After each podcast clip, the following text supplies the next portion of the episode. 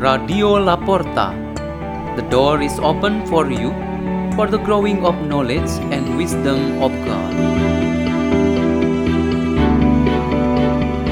Delivered by Father Peter Tukan SDB from Salesian Community in Labuan Bajo, Diocese of Ruteng, Indonesia.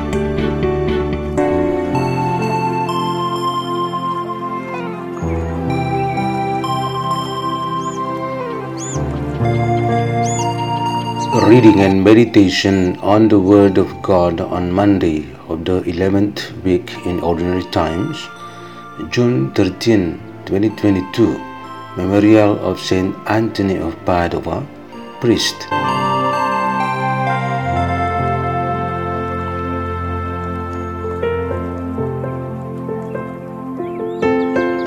The Holy Gospel according to Matthew, chapter 5, verses 38 to 42. Jesus said to his disciples, You have heard that it was said, An eye for an eye, and a tooth for a tooth. But I say to you, offer no resistance to one who is evil. Even if someone strikes you on your right cheek, turn the other one to him as well. If anyone wants to go to law with you over your tunic, hand him your cloak as well. Should anyone press you into service for one mile, go with him for two miles. Give to the one who asks of you, and do not turn your back on one who wants to borrow. The Gospel of the Lord.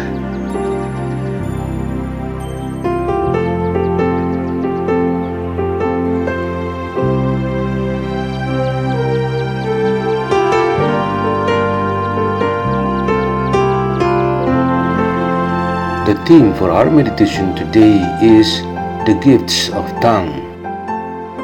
The Basilica of St. Anthony is located in the heart of Padua, northern Italy. The interior, courtyard, and surroundings are always flooded with visitors throughout the season.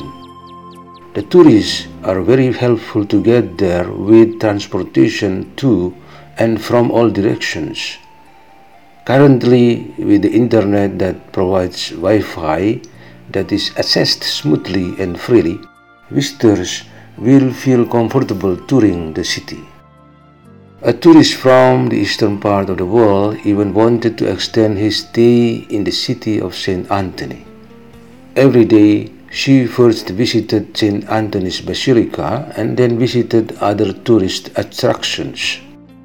The walk from the vast city park to the basilica was very pleasing to her, partly because the Wi Fi access allowed her to broadcast live with her family. Being in the city of St. Francis of Assisi's follower made him choose to linger to enjoy all the conveniences of this city.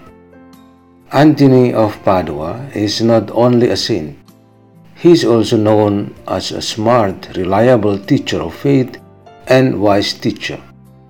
One of his famous sermons is about the languages of the Holy Spirit or the gifts of tongue that give way to every follower of Christ to communicate and relate to other people and the environment. He said that a person who is filled with the Holy Spirit can speak many different languages. These different languages are actually different ways of bearing witness of Jesus Christ. Jesus himself says in the Gospel of John that the Holy Spirit's task is to bear witness about himself and his heavenly Father.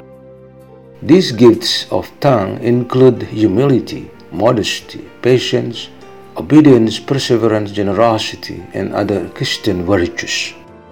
We speak different languages when we use them in ourselves and we practice those virtues in our relations with others. That means actions speak much more powerfully than words. Let your words teach and your actions speak.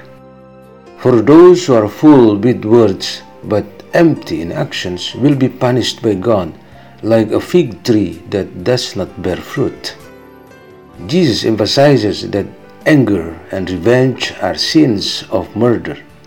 This is very much against the gifts of tongue that Saint Anthony teaches, which is the love of Christ.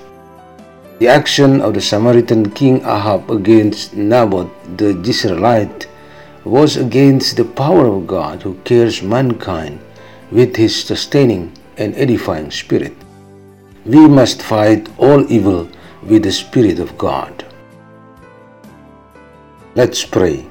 In the name of the Father, and of the Son, and of the Holy Spirit, Amen. O Jesus, may we become more and more able to use the languages of your Holy Spirit. Hail Mary, full of grace, the Lord is with thee. Blessed art thou among women, and blessed the fruit of thy womb, Jesus. Holy Mary, Mother of God, pray for us sinners, now and at the hour of our death.